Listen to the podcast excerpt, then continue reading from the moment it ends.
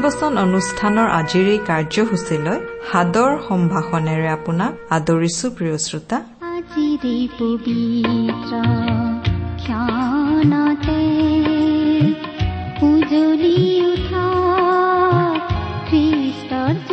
প্ৰিয় শ্ৰোতা ভক্তিবচন অনুষ্ঠানৰ আজিৰ এই শিক্ষা শুনিবলৈ আপোনাৰ বহুমূলীয়া সময় খৰচ কৰাৰ বাবে ধন্যবাদ।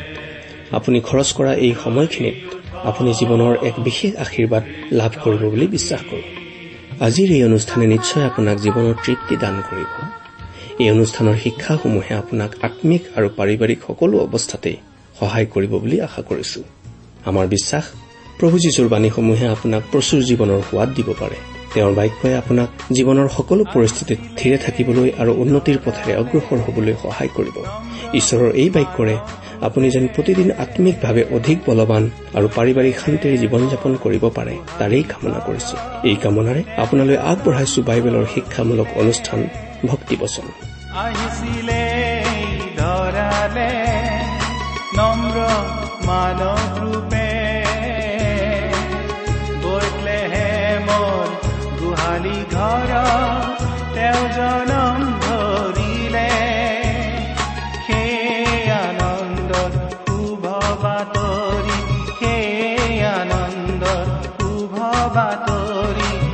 ভাল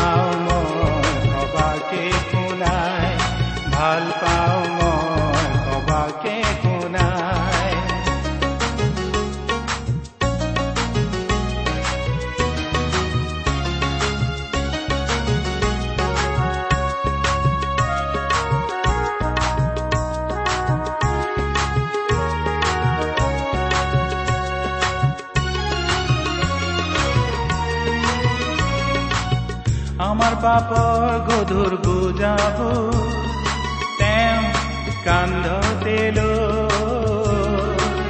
ক্ৰুচৰ ওপৰত প্ৰাণৰ পিলে আমাৰ জীৱন দিবলৈ আমাৰ পাপৰ গধুৰ বুজাব তেওঁ কান্ধতে ক্ৰুচৰ ওপৰত প্ৰাণৰ পিলে আমাৰ জীৱন দিবলৈ তেওঁৰ মহান ত্যাগৰ বাণী তেওঁৰ মহান ত্যাগৰ বাণী ভাল পাওঁ মই সবাকে শুনাই ভাল পাওঁ মই সবাকে শুনাই আমাৰ পৰম পবিত্ৰ প্ৰভু যীশুখ্ৰীষ্টৰ নামত নমস্কাৰ প্ৰিয় শ্ৰোতা। আশা কৰো মহান পিতা পৰমেশ্বৰৰ মহান অনুগ্ৰহত আপুনি ভালে কুশলে আছে। আপুনি বাৰু আমাৰ এই ভক্তিবচন অনুষ্ঠানটো নিয়মিতভাৱে শুনি আছেনে? শুনি কেনে পাইছে আমালৈ চিঠি লিখি জনাবচোন। আহকচোন আজিৰ বাইবেল অধ্যয়ন আৰম্ভ কৰাৰ আগতে খন্তেক প্ৰাৰ্থনাত মূৰ দুৱাওঁ। স্বৰ্গত থকা অসীম দয়ালু পিতৃ ঈশ্বৰ তোমাৰ মহান নামৰ ধন্যবাদ কৰো। তুমি সৰ্বশক্তিমান সৰ্বব্যাপী সৰ্বজ্ঞানী ঈশ্বৰ হৈও আমাৰ দৰে ক্ষুদ্ৰ মানৱক যে ইমান প্ৰেম কৰা সেই কথা ভাবিলেই আচৰিত হওঁ। তুমি আমাক ইমানেই প্ৰেম কৰিলা যে আমাক পৰিত্ৰাণ দিবলৈ তুমি তোমাৰ একেজাত পুত্ৰ যীশুখ্ৰীষ্টকেই আমালৈ দান কৰিলা। তেওঁ ক্ৰুচত নিজৰ পবিত্ৰ তেজেৰে আমাৰ পাপৰ প্ৰাচিত্য কৰিলে। আজি তেওঁত বিশ্বাস কৰি আমি অনন্ত জীৱন লাভ কৰি তোমাক পিতৃ বুলি মাতিব পৰা হৈছো। তাৰ বাবে তোমাক অশেষ ধন্যবাদ পিতা। এতিয়া আমি তোমাৰ মহান বাক্য বাইবেল শাস্ত্ৰ অধ্যয়ন কৰিবলৈ ওলাইছো প্ৰাৰ্থনা কৰিছো তোমাৰ বাক্য তুমিয়েই আমাক বুজাই দিয়া। এই অনুষ্ঠান শুনি থকা আমাৰ মৰমৰ শ্ৰোতাসকলক তুমি উপচি পৰাকৈ আশীৰ্বাদ কৰা। কিয়নো এই প্ৰাৰ্থনা আমাৰ মহান ত্ৰাণকৰ্তা মৃত্যুঞ্জয় প্ৰভু যীশুখ্ৰীষ্টৰ নামত আগবঢ়াইছো।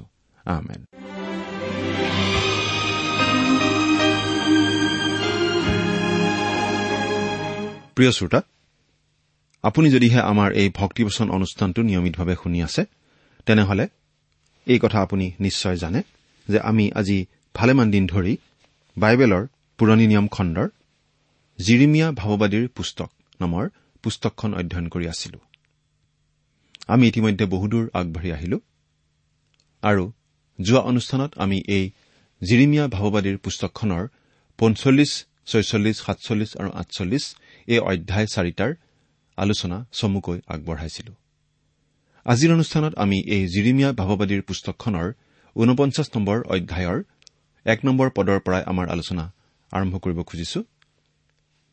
এই বাইবেল অধ্যয়নৰ অনুষ্ঠান শুনিবৰ সময়ত আমাৰ শ্ৰোতাসকলে লগত বাইবেল এখন মেলি ললে ভাল হয় বুলি আমি সদায় কৈ আহিছো। আপুনি বাৰু আপোনাৰ বাইবেলখন মেলি লৈছেনে? প্ৰিয় শ্ৰোতা এই জিৰিমীয়া ভাৱবাদীৰ পুস্তকখন ভাৱবাণীমূলক পুস্তক। ইয়াৰ যোগেদি ঈশ্বৰৰ বাক্য জিৰিমীয়া ভাৱবাদীয়ে জিহুদা অৰ্থাৎ ইছৰাইলৰ যিখন দক্ষিণৰ দেশ সেই দেশৰ লোকসকলক জনাই আছিল। ইতিমধ্যে ইছৰাইলৰ উত্তৰ ভাগ অৰ্থাৎ ইছৰাইলৰ লোকবিলাকক শত্ৰুৱে পৰাস্ত কৰি বন্দী কৰি নিছিল। তেওঁলোকৰ যি অবাধ্যতা তাৰ বাবে ঈশ্বৰে তেওঁলোকক তেনেদৰে শাস্তি দিছিল। আৰু জিহুদা দেশৰ লোকবিলাকেও ঈশ্বৰৰ পৰা তেনেদৰে শাস্তি পাইছিল। নবুখত নেচৰ ৰজাই তেওঁলোকক বন্দী কৰি বাবিললৈ লৈ গৈছিল আৰু জিৰচালেমো ধ্বংস কৰিছিল। কিন্তু কিছুমান লোক অৱশিষ্ট থাকি গৈছিল। তেওঁলোকে পিছত মিছৰ দেশৰ আশ্ৰয় বিচাৰি মিছৰলৈ গৈছিল। কিন্তু সেই মিছৰ দেশৰ পৰাও তেওঁলোকে নিৰাপত্তা নাপাব বুলি জিৰিমিয়াই তেওঁলোকক ভৱিষ্যৎবাণী কৰি জনাই দিছিল। এইবোৰ কথা থুলমূলকৈ আমি ইতিমধ্যে আলোচনা কৰি আহিছো। আজি আমি ঊনপঞ্চাছ নম্বৰ অধ্যায় আলোচনা কৰিব খুজিছো। এই ঊনপঞ্চাছ নম্বৰ অধ্যায়ৰ পৰা আমি পাওঁ ইছৰাইলৰ চাৰিওফালে থকা জাতিসমূহৰ ক্ষেত্ৰত জিৰিমিয়াৰ যোগেদি ঈশ্বৰে জনোৱা ভাৱবাণী। আমি দেখিলো যে জিহুদাৰ অৱশিষ্ট ভাগে মিছৰলৈ নামি গৈ ডাঙৰ ভুল কৰিছিল। তেওঁলোক তালৈ গৈছিল ঈশ্বৰৰ অবাধ্যতা আচৰণ কৰি আৰু তাকে কৰি তেওঁলোকে গৰম কেৰাহীটোৰ পৰা জুইকুৰালৈকে জুপিওৱাৰ নিচিনা হৈছিল। কেৰাহীত গৰম বুলি জাপ মাৰি তেওঁলোক জুইতে পৰাৰ নিচিনা হৈছিল। ইছৰাইলত আৰু যুদ্ধ কৰিবলগীয়া তেতিয়ালৈ আৰু একোৱেই বাকী নাছিল। নগৰবোৰ ধ্বংসস্তূপত পৰিণত হৈছিল। কোনো শত্ৰু জাতিয়ে ইছৰাইল আক্ৰমণ কৰি নিজৰ অধীন কৰাৰ কোনো অৰ্থ দেখা আৰু পোৱা নগৈছিল। কাৰণ ইছৰাইল দেশৰ অৱস্থা তেনেকুৱা ধ্বংসস্তূপত পৰিণত হৈছিল। সেই অৱস্থা নহলহেঁতেন যদিহে জিহুদাৰ অৱশিষ্ট জিহুদী মানুহখিনি জিহুদাতেই থাকি তেওঁলোকৰ ধ্বংস হোৱা নগৰবোৰ পুনৰ নিৰ্মাণ কৰিলেহেঁতেন। কিন্তু তাকে কৰাৰ পৰিৱৰ্তে তেওঁলোকে ঈশ্বৰৰ আদেশ অমান্য কৰি মিছৰ দেশলৈ পলাই গৈছিল। নিৰাপত্তা বিচাৰি। আনহাতে ঈশ্বৰেও জানিছিল যে মিছৰখনেই যুদ্ধ অভিযানৰ বাবে নবুখত নেচৰৰ লক্ষ্য আছিল। অভিপ্ৰায়ৰ দৰে তেওঁ মিছৰখনক আক্ৰমণ আৰু পৰাজয় কৰি সেই দেশত থকা জিহুদাৰ অৱশিষ্ট লোকসকলক বন্দী কৰি বাবিললৈ লৈ যাব। সেইদৰে তেওঁলোক বন্দী হ'ব আৰু অৱৰ্ণনীয় দুখৰ সন্মুখীন হ'ব। তেওঁলোকে ভাবিছিল যে তেওঁলোকে যুদ্ধৰ পৰা হাত সাৰি বহুত দূৰলৈ গুচি যাব পাৰিছিল। তেওঁলোকে ভাবিছিল যে তেওঁলোক এনে এখন দেশলৈ গুচি যাব পাৰিছিল য'ত তেওঁলোকে জীৱনৰ সকলো প্ৰয়োজনীয় উপচি পৰাকৈ পাব আৰু সুখে সন্তোষে খাই বৈ থাকিব পাৰিব কোনো অভাৱ নোহোৱাকৈ তাত চলি থাকিব পাৰিব। সেইদৰে ভাবি তেওঁলোকে কেৱল তেওঁলোকৰ পেটৰ কথা আৰু শাৰীৰিক নিৰাপত্তাৰ কথাহে চিন্তা কৰিছিল।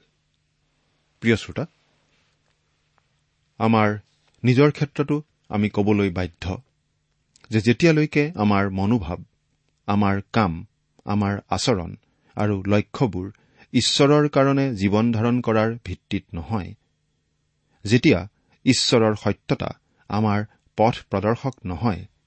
তেতিয়ালৈকে আমি আম্মিকভাৱে অতি নিম্ন স্তৰত থাকো। আৰু তেতিয়া আমাৰ কোনেও মূৰ্খ নহৈ জনা উচিত যে তেনে নিম্ন স্তৰৰ আধ্যামিকতাই শান্তি আনিব নোৱাৰে আৰু পাৰ্থিৱভাৱে জোৰাওকৈ জোৰা জীৱনৰ অধিকাৰো আমাক দিব নোৱাৰে।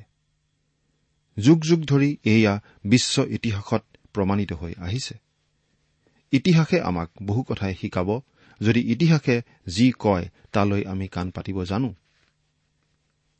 এই ঊনপঞ্চাছ নম্বৰ অধ্যায়তো ঈশ্বৰে জিৰিমিয়াৰ যোগেদি ইছৰাইলৰ চাৰিওপিনে থকা জাতিবোৰৰ বিষয়ে ভৱিষ্যৎবাণী কৰিছে।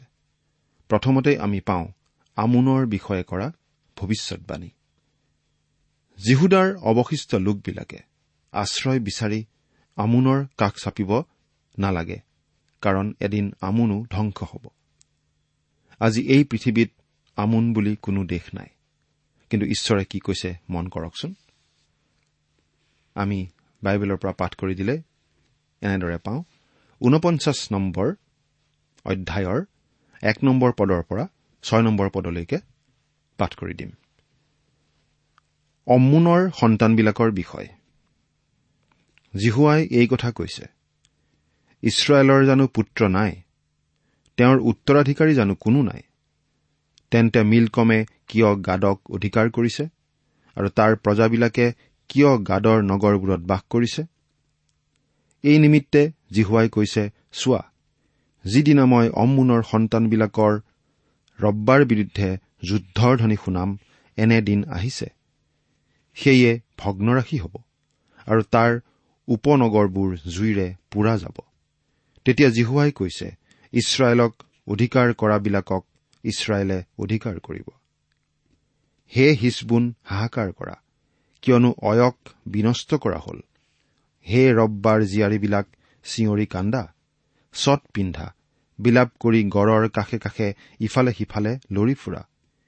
কিয়নো মিলকম তাৰ পুৰোহিতবিলাক আৰু তাৰ প্ৰধান লোকবিলাক একেলগে বন্দী অৱস্থালৈ যাব। মোৰ ওচৰলৈ কোন আহিব পাৰে বুলি কৈ নিজ ধনত ভাৰসা কৰোতা হে বিপদগামিনী জীয়াৰী তোমাৰ উপত্যকাবোৰত তোমাৰ ৰক্ত প্ৰবাহী উপত্যকাটিত কিয় গৌৰৱ কৰিছা? বাহিনীবিলাকৰ প্ৰভুজী হোৱাই কৈছে চোৱা মই তোমাৰ চাৰিওফালে থকা আটাইৰে পৰা তোমালৈ ভয় উপস্থিত কৰিম। তোমালোক প্ৰতিজনক পোনে পোনে খেদাই দিয়া হ'ব আৰু পলৰীয়াক গোটাবলৈ কোনো নহ'ব। কিন্তু জিহুৱাই কৈছে পাছত মই অম্মুনৰ সন্তানবিলাকৰ বন্দী অৱস্থা পৰিৱৰ্তন কৰিম। অৰ্থাৎ আমোনক আকৌ পুনৰ সংস্থাপিত কৰা হ'ব। এইবোৰ অতি গুৰুত্বপূৰ্ণ শাস্ত্ৰ বাক্য অতি গুৰুত্বপূৰ্ণ ভাৱবাণী। এতিয়া আমি পাওঁ ইডুমৰ বিষয়ে দিয়া ভাৱবাণী। এই ইডুমৰ বিষয়ে যি ভাৱবাণী দিয়া হৈছে সেই ভাৱবাণী দিবলৈ বেছি ঠাই লৈছে। অৰ্থাৎ আন জাতিবোৰতকৈ এই ইডুমীয়াবিলাকৰ বিষয়ে দিয়া ভাৱবাণী অলপ দীঘলীয়া আৰু তাৰ কাৰণ নিশ্চয় আছে। তাৰ কাৰণ কি হ'ব পাৰে বাৰু? তাৰ কাৰণ এইটোৱেই হয়তো হ'ব পাৰে যে এই ইডুম আচলতে ইছৰাইলীয়াবিলাকৰ জ্ঞাতি। কেনেকৈ বাৰু? এছৌ আৰু জাকুব ভাই ভাই। জাকুবৰ পৰাই হ'ল ইছৰাইল জাতি আৰু এছৌৰ পৰা হ'লগৈ ইডুম জাতি। ইডুম আৰু ইছৰাইলৰ মাজত কিন্তু বন্ধুত্বপূৰ্ণ সম্বন্ধ নাছিল। ইডুম এটা ডাঙৰ আৰু শক্তিশালী জাতি হৈ উঠিছিল কাৰণ ঈশ্বৰে এছৌৰ বংশৰ পৰা এটা ডাঙৰ জাতিৰ সৃষ্টি কৰিব বুলি ঘোষণা কৰিছিল। আমি সাত আৰু আঠ নম্বৰ পদ দুটা পঢ়ি দিছো। ইডুমৰ বিষয়। বাহিনীবিলাকৰ জিহুৱাই এই কথা কৈছে তৈমনত জানো আৰু জ্ঞান নাই। বুদ্ধিয়কবিলাকৰ পৰা জানো পৰামৰ্শ লোপ পালে। তেওঁবিলাকৰ জ্ঞান জানো নাইকিয়া হ'ল। হে দদান নিবাসীবিলাক তোমালোক পলোৱা মুখ ঘূৰাই গভীৰ ঠাইত সোমাই বাস কৰা। কিয়নো মই এছৰ ওপৰলৈ তাৰ আপদ আৰু তাৰ দণ্ড দিয়াৰ সময় আনিম। ইডুম আছিল মৰু সাগৰৰ দক্ষিণ আৰু বিশেষকৈ পূব দিশত থকা এটা অঞ্চল। মৰু সাগৰ আৰু একাবা উপসাগৰৰ মাজৰ অঞ্চল। ইডুমৰ ওপৰলৈও ঈশ্বৰৰ বিশেষ অভিশাপ নামি আহিব ধৰিছিল। তেওঁলোক এটা ডাঙৰ জাতি হৈ পৰিছিল আৰু আন আন জাতিবোৰৰ প্ৰতি দিহা পৰামৰ্শ আদিও আগবঢ়াব পৰা হৈছিল। শিল কাটি নিৰ্মাণ কৰা পেট্ৰা নগৰখন ইমান নিৰাপদ ঠাই আছিল যে সেই ঠাই সেই বিশাল জাতিটোৰ কাৰণে এখন বিশেষ আশ্ৰয়স্থানৰ নিচিনা হৈ পৰিছিল। বাবিলন আৰু মিছৰে তাত ধন জমা থৈছিল। আজিৰ যুগৰ বেংকত ধন জমা থোৱাৰ নিচিনাকৈ। এই ঠাইত তেওঁলোকে তেওঁলোকৰ সা সম্পদ জমা ৰাখি নিৰাপদ অনুভৱ কৰিছিল। নগৰখনৰ দুয়োপিনে শিল কাটি নিৰ্মাণ কৰা হৈছিল আৰু এই শিল কাটি নিৰ্মাণ কৰা নগৰখনত সোমাবলৈ মাত্ৰ এটা সৰু বাটহে আছিল। সেই সময়ত সেই পেট্ৰা নগৰখন এখন অতি অপূৰ্ব চমকপ্ৰদ নগৰ আছিল কিন্তু এই নগৰখনৰ পৰা সকলো সন্মান আৰু গুৰুত্ব এদিন ঈশ্বৰে কাঢ়ি লৈ গৈছিল। আচলতে তেওঁলোকৰ চাৰিওপিনে থকা দেশবোৰে তেওঁলোকৰ সেই ঠাই অতি নিৰাপদ বুলি ভাবি তেওঁলোকৰ ওপৰত ভৰসা কৰা কাৰণেহে তেওঁলোকে সেই বিশেষ গুৰুত্ব উপভোগ কৰি আহিছিল। কিন্তু এদিন তেওঁলোকৰ পৰা সেই গুৰুত্ব আঁতৰাই লৈ যোৱা হৈছিল। তেৰ নম্বৰ পদ কিয়নো জিহুৱাই কৈছে মই মোৰ নাম লৈ এই শপত খাই কৈছো যে বস্ৰা আচৰিতৰ ধিক্কাৰৰ ধ্বংসৰ আৰু সাওৰ বিষয় হ'ব আৰু তাৰ আটাই নগৰ চিৰকলীয়া ধ্বংসস্থান হ'ব। বস্ৰা আচলতে পেট্ৰা আৰু ইডম সেই শিল কাটি নিৰ্মাণ কৰা নগৰখন আজিও আছে কিন্তু জনশূন্য। এইখন একেবাৰে ৰেডিমেড নগৰ। সকলো সজাই সাজু কৰি থোৱা আছে। যদি আপুনি এটা ভাড়াঘৰ বিচাৰি আছে তেনেহলে বিনা ভাড়াৰে তাত এটা ঘৰ পাব পাৰে। সেই শিল কাটি নিৰ্মাণ কৰা থকা ঘৰবোৰ অতি সুন্দৰ আৰু ইচ্ছা কৰিলে আপুনি তাত থাকিবগৈ পাৰে। সেই ঠাই আজিও আছে আৰু আমি গৈ তাত থাকিব পাৰো। কোনেও ভাড়া বিচাৰি নাহে। কোনেও সেই থকা ঘৰবোৰ বেচিবলৈও নাহে। কিন্তু তাত আপুনি বেছিদিন থাকিব নোৱাৰিব। তাত থাকিব খোজা মানুহবোৰ বেছিদিন নাথাকিল। এসময়ত ইউৰোপৰ এখন আগশাৰীৰ দেশে সেই পেট্ৰাক এখন উপনিৱেশ হিচাপে গঢ়িবলৈ চেষ্টা কৰিছিল কিন্তু মানুহবোৰ তাত নাথাকিল। চাৰিওফালে সিঁচৰতি হৈ গ'ল। মুঠতে ঈশ্বৰে কোৱাৰ নিচিনাকৈ সেই পেট্ৰা জনশূন্য হৈয়েই আছে। এতিয়া আমি ষোল্ল নম্বৰ পদটো পাঠ কৰি দিব খুজিছো। হে শিলৰ খুৰুঙত বাস কৰাজন হে পৰ্বতৰ উচ্চ স্থানত থকাজন। তোমাৰ ভয়ানকতাৰ বিষয়ে হলে তোমাৰ মনৰ অহংকাৰে তোমাক প্ৰবঞ্চনা কৰিলে। জিহুৱাই কৈছে তুমি কোৰৰ পক্ষীৰ নিচিনাকৈ ওখত তোমাৰ বাহ সাজিলেও মই তাৰ পৰা তোমাক নমাই আনিম। ইডুঙীয়াবিলাকৰ সকলোতকৈ ডাঙৰ পাপ আছিল তেওঁলোকৰ অহংকাৰ। সেই অহংকাৰৰ কাৰণেই তেওঁলোকে ঈশ্বৰৰ পৰা অভিশাপ পাবলগীয়া হৈছিল। তেওঁলোক এনেকুৱা এখন ঠাইত আছিল যিখন ঠাই অতি সুৰক্ষিত আছিল। পেট্ৰা নগৰলৈ সোমোৱা বাটটো আছিল অতি ঠেক দ বাট প্ৰায় এমাইলমান দীঘল। এইটো শিলৰ মাজত থকা এটা সৰু উপত্যকাৰ নিচিনা আছিল। সেই জাতিটোৰ ইতিহাস প্ৰায় এহেজাৰ বছৰীয়া। তাৰ পিছত নবাতিয়া আৰববিলাকে দখল কৰিছিল। গ্ৰীকসকলেও দুবাৰ বিফল অভিযান চলাইছিল। কিন্তু সেই নগৰত সোমাব পৰা নাছিল। আনহাতে উৰাজাহাজৰ বাহিৰে আন ধৰণে তাত সোমোৱা অতি কঠিন। এই নগৰখন বাবিলন মিছৰ গ্ৰীচ আৰু ৰোমানসকলৰ দ্বাৰা বিশেষভাৱে প্ৰভাৱিত আছিল। তেওঁলোকৰ স্থাপত্য কলা আৰু অৱশেষবোৰত সেই প্ৰভাৱ চকুত পৰে। কিন্তু ঈশ্বৰে ইডুমক দণ্ড দিছিল আৰু সেই সভ্যতাৰ পতন ঘটাইছিল। তেওঁলোকৰ গৰ্ব অহংকাৰৰ বাবেই সেই পতন তেওঁলোকলৈ আহিছিল। এতিয়া সেই বিষয়ে ঈশ্বৰে জনাই আছে আৰু জিজকেল ভাওবাদীয়ে এই বিষয়ে সম্পূৰ্ণকৈ জনোৱা আমি পঢ়িবলৈ পাওঁ। সোতৰ আৰু ওঠৰ নম্বৰ পদ। ইডুম বিস্ময়ৰ বিষয় হ'ব। তাৰ ওচৰেদি অহা যোৱা কৰা প্ৰতিজনে বিস্ময় মানিব আৰু তালৈ ঘটা আটাই উৎপাত দেখি ইচ ইচ কৰিব। জিহুৱাই কৈছে চদুম ঘমোৰা আৰু তাৰ ওচৰৰ নগৰ কেইখন নষ্ট হোৱা সময়ৰ নিচিনাকৈ কোনো মানুহে তাত বাস নকৰিব। কোনো মনুষ্য সন্তানে তাৰ মাজত প্ৰবাস নকৰিব। চোৱা জৰ্দনৰ শোভাস্থানৰ পৰা সিংহ উঠি অহাৰ নিচিনাকৈ তেওঁ চিৰস্থায়ী চৰণীয়া ঠাইৰ বিৰুদ্ধে আহিব। কিন্তু মই চকুৰ প্ৰচাৰতে তেওঁক তাৰ পৰা লৰোৱাম। এই ভাৱবাণীটো আখৰে আখৰে ফুলিয়াইছে সেই নগৰখন এতিয়াও আছে। নগৰখন ধ্বংস কৰিব নোৱাৰি কাৰণ এই নগৰখন শিল কাটি নিৰ্মাণ কৰা হৈছিল। কিন্তু ঈশ্বৰে জনাই দিছিল যে ই জনশূন্য হ'ব আৰু সেইটো ফলিয়াইছে কোনো মানুহ আজি তাত বাস নকৰে। মাজে মাজে কোনো কোনো অঘৰী আৰবে ৰাতিটোৰ কাৰণে তাত তম্বু টানে কিন্তু পিছদিনাখনেই তাৰ পৰা আঁতৰি যায়। সেই নগৰখনৰ বিষয়ে তেওঁলোকৰ মাজত বিশেষ কিছুমান অন্ধবিশ্বাসো আছে। আনকি অন্ধবিশ্বাস নথকা উন্নত পশ্চিমীয়া দেশেও সেই ঠাইত উপনিৱেশ পাতিব নোৱাৰিলে। ঈশ্বৰৰ বাক্যই কৈছে ইয়াত কোনো মানুহ বাস নকৰিব। এইখন একেবাৰে ৰেডিমেড নগৰ কিন্তু কোনো মানুহ নাই। কোনো মানুহৰ বাস তাত নাই। তুৰৰ বিষয়ে ঈশ্বৰে যি ভাৱবাণী শুনাই থৈছিল তাৰ লগত ৰিজাই চালে। এইটো বিশেষভাৱে মন কৰিবলগীয়া ভাৱবাণী। ঈশ্বৰে কৈছিল যে তুৰ একেবাৰে ধ্বংস কৰি মাটিৰ লগত মিলাই দিয়া হ'ব। কোনো অৱশেষ নাথাকিব কিন্তু তাত পাছত আকৌ জনবসতি হ'ব।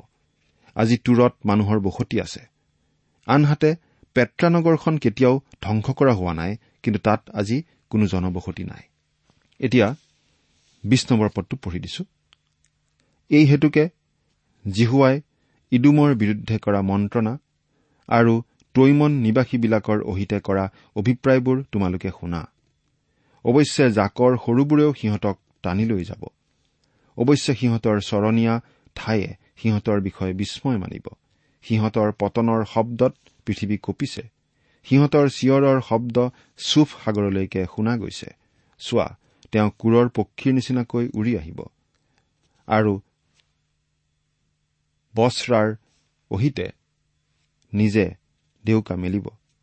আৰু সেইদিনা ইডুমৰ বীৰবিলাকৰ হৃদয় প্ৰসৱ বেদনা পোৱা তিৰোতাৰ হৃদয়ৰ নিচিনা হ'ব। বিচৰ পৰা একেবাৰে বাইশ নম্বৰ পদলৈকে পঢ়ি দিলো। নগৰখন জনশূন্য হৈ পৰিল আৰু ইডুম জাতিৰ কোনো চিনচাব নোহোৱা হৈ গ'ল। ঈশ্বৰৰ এই ভাৱবাণী আখৰে আখৰে ফলিয়ালে। এতিয়া আমি দম্মেচকৰ বিষয়ে দিয়া ভাৱবাণী পঢ়িবলৈ পাওঁ।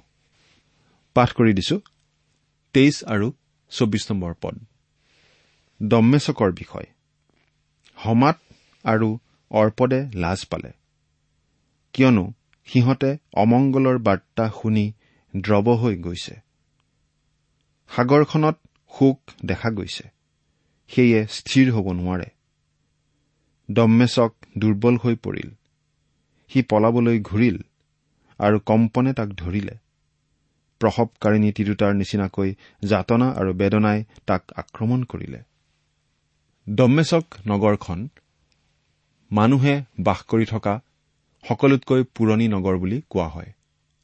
আন বহুতো নগৰে অৱশ্যে সেইদৰেই দাবী কৰে কিন্তু দম্মেচকে তেনেদৰে দাবী কৰাৰ নিশ্চয় অলপ যুক্তি আছে। ইয়াত আমি ভাৱবাণী পাওঁ যে দম্মেচক নগৰখন ধ্বংস কৰা হ'ব আৰু সঁচাকৈয়ে ধ্বংস কৰা হৈছিল আৰু নগৰখনে কেইবাবাৰো স্থান সলনি কৰিব লগা হৈছিল। আৰু দম্মেচক নামটো চলি আছে আৰু আজি ই এখন ৰাজধানী বিশেষ গুৰুত্বপূৰ্ণ চহৰ। আমি এতিয়া একেবাৰে পঁচিছ নম্বৰ পদৰ পৰা ঊনচল্লিছ নম্বৰ পদলৈকে পাঠ কৰি দিব খুজিছো। প্ৰশংসাৰ নগৰ মোৰ আনন্দৰ নগৰ কিয় পৰিত্যক্ত নহল? এতেকে বাহিনীবিলাকৰ জিহুৱাই কৈছে তাৰ ডেকাবিলাক তাৰ চকবোৰত পতিত হ'ব আৰু আটাই যোদ্ধাৰুবিলাকক সেইদিনা নিস্তব্ধ কৰা হ'ব আৰু মই দম্মেচকৰ গড়ৰ ভিতৰত জুই লগাম। সেয়ে বিন হদদৰ অট্টালিকাবোৰ গ্ৰাস কৰিব। কেদৰ আৰু হাচুৰৰ বিষয়। বাবিলৰ ৰজা নবুখত নেচৰে প্ৰহাৰ কৰা কেদৰৰ আৰু হাচুৰীয়া ৰাজ্যবোৰৰ বিষয়। জিহুৱাই এই কথা কৈছে তোমালোকে উঠি কেদৰলৈ যোৱা আৰু পূবদেশীয় সন্তানবিলাকক বিনষ্ট কৰা। শত্ৰুৱে সিহঁতৰ তম্বু আৰু পশুৰ জাকবোৰ লৈ যাব আৰু সিহঁতৰ আঁৰ কাপোৰ আদি আটাই বস্তু আৰু উটবোৰ নিজৰ নিমিত্তে নিব আৰু সিহঁতে শত্ৰুৰ কাৰণে চিঞৰিব। সকলোফালে ত্ৰাস। জিহুৱাই কৈছে হে হাচুৰ নিবাসীবিলাক পলোৱা দূৰলৈ ভ্ৰমণ কৰি গভীৰ ঠাইত বাস কৰা। কিয়নো বাবিলৰ ৰজা নবুখত নেচৰে তোমালোকৰ অহিতে মন্ত্ৰণা কৰিলে আৰু তোমালোকৰ অহিতে কল্পনা স্থিৰ কৰিলে। জিহুৱাই কৈছে তোমালোক উঠা নিৰ্ভয় আৰু নিশ্চিন্তে বাস কৰা আৰু দুৱাৰ কি দাং নথকা অকলেই বাস কৰা এটি জাতিৰ বিৰুদ্ধে তোমালোকে যাত্ৰা কৰা। সিহঁতৰ উটবোৰ চিকাৰৰ বস্তু যেন হ'ব আৰু সিহঁতৰ পশুসমূহ লুটদ্ৰব্য হ'ব। আৰু কোমৰ গুৰিত দাড়ি চুলি কটা আটাইবোৰকে মই সকলোফালে বায়ুত উৰুৱাই দিম। আৰু জিহুৱাই কৈছে মই সিহঁতৰ সকলো ফালৰ পৰা সিহঁতলৈ আপদ আনিম। হাচুৰ শিয়ালৰ বাসস্থান চিৰকলীয়া ধ্বংসস্থান হ'ব তাত কোনো মানুহ নাথাকিব। নাইবা কোনো মনুষ্য সন্তানে তাৰ মাজত প্ৰবাস নকৰিব। প্ৰিয় শ্ৰোতা সময়ৰ অভাৱত আমি বাকী গোটেইকেইটা পদ পাঠ নকৰিলো। ইয়াৰ পিছতে আমি এলমৰ বিষয়ে দিয়া ভাৱবাণী পাওঁ। কেদাৰ আৰু হজৰ দুখন অতি প্ৰতিপত্তি থকা ঠাই আছিল। ধন সম্পদেৰে ভৰা ঠাই আছিল। সেই ঠাইৰ বিষয়ে আমি অৱশ্যে আজি বিশেষ একো নাজানো।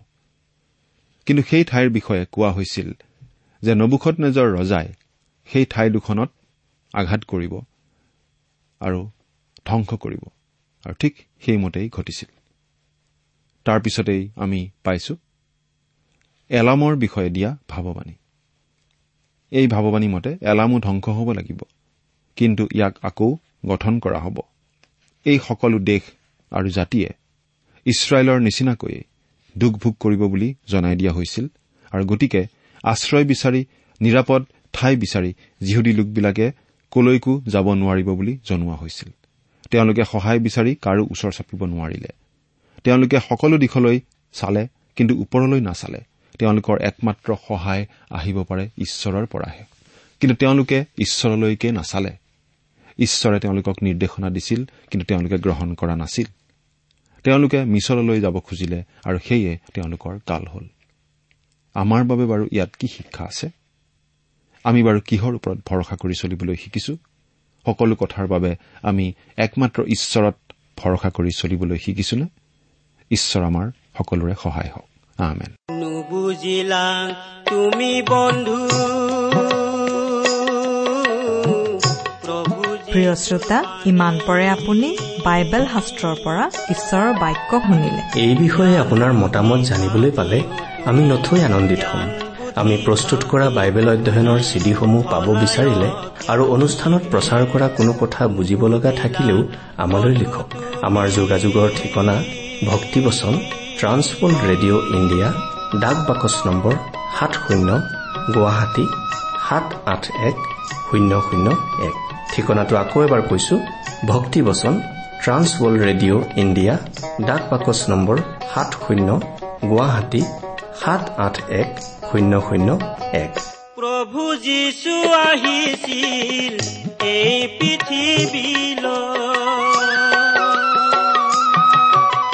পাপী মানুহক পাপৰ পৰা উদ্ধাৰ কৰিবলৈ নুবুজিলা। আমাৰ ইমেইল এড্ৰেছটো হৈছে Assamese T TV at the rate radio' eight eight two dot com.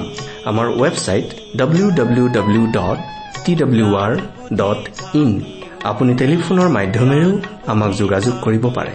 আমাৰ টেলিফোন নম্বৰটো হৈছে nine eight five four zero' four zero' eight eight nine. Phone নম্বৰটো আকৌ এবাৰ কৈছো ন আঠ পাঁচ চাৰি শূন্য চাৰি শূন্য আঠ আঠ ন। আপুনি এই ভক্তিবচন অনুষ্ঠানটি আমাৰ website W W W dot radio' eight eight two dot কমতো শুনিব পাৰিব। আজিৰ অনুষ্ঠানটি ইমানতেই সামৰিছো। ঈশ্বৰৰ শান্তি আৰু অনুগ্ৰহ আপোনাৰ লগত থাকক। ধন্যবাদ।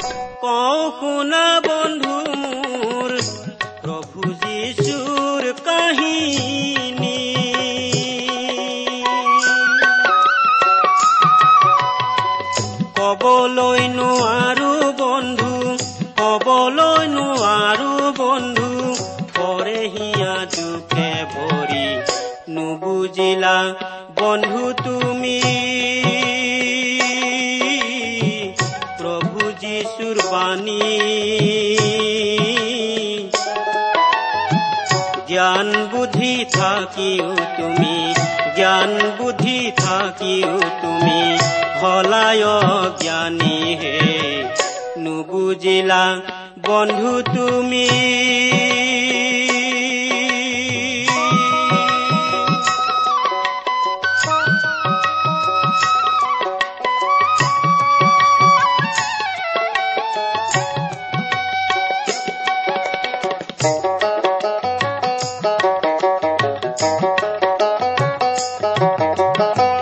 প্ৰভু যীশু আমাৰ বাবে দিলে নিজৰে জীৱ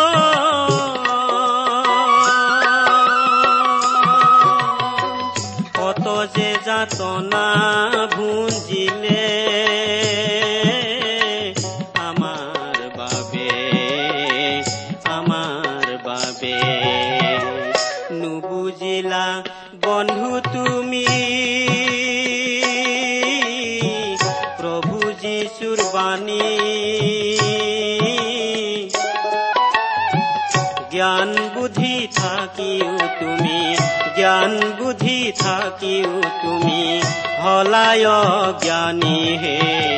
নুবুজিলা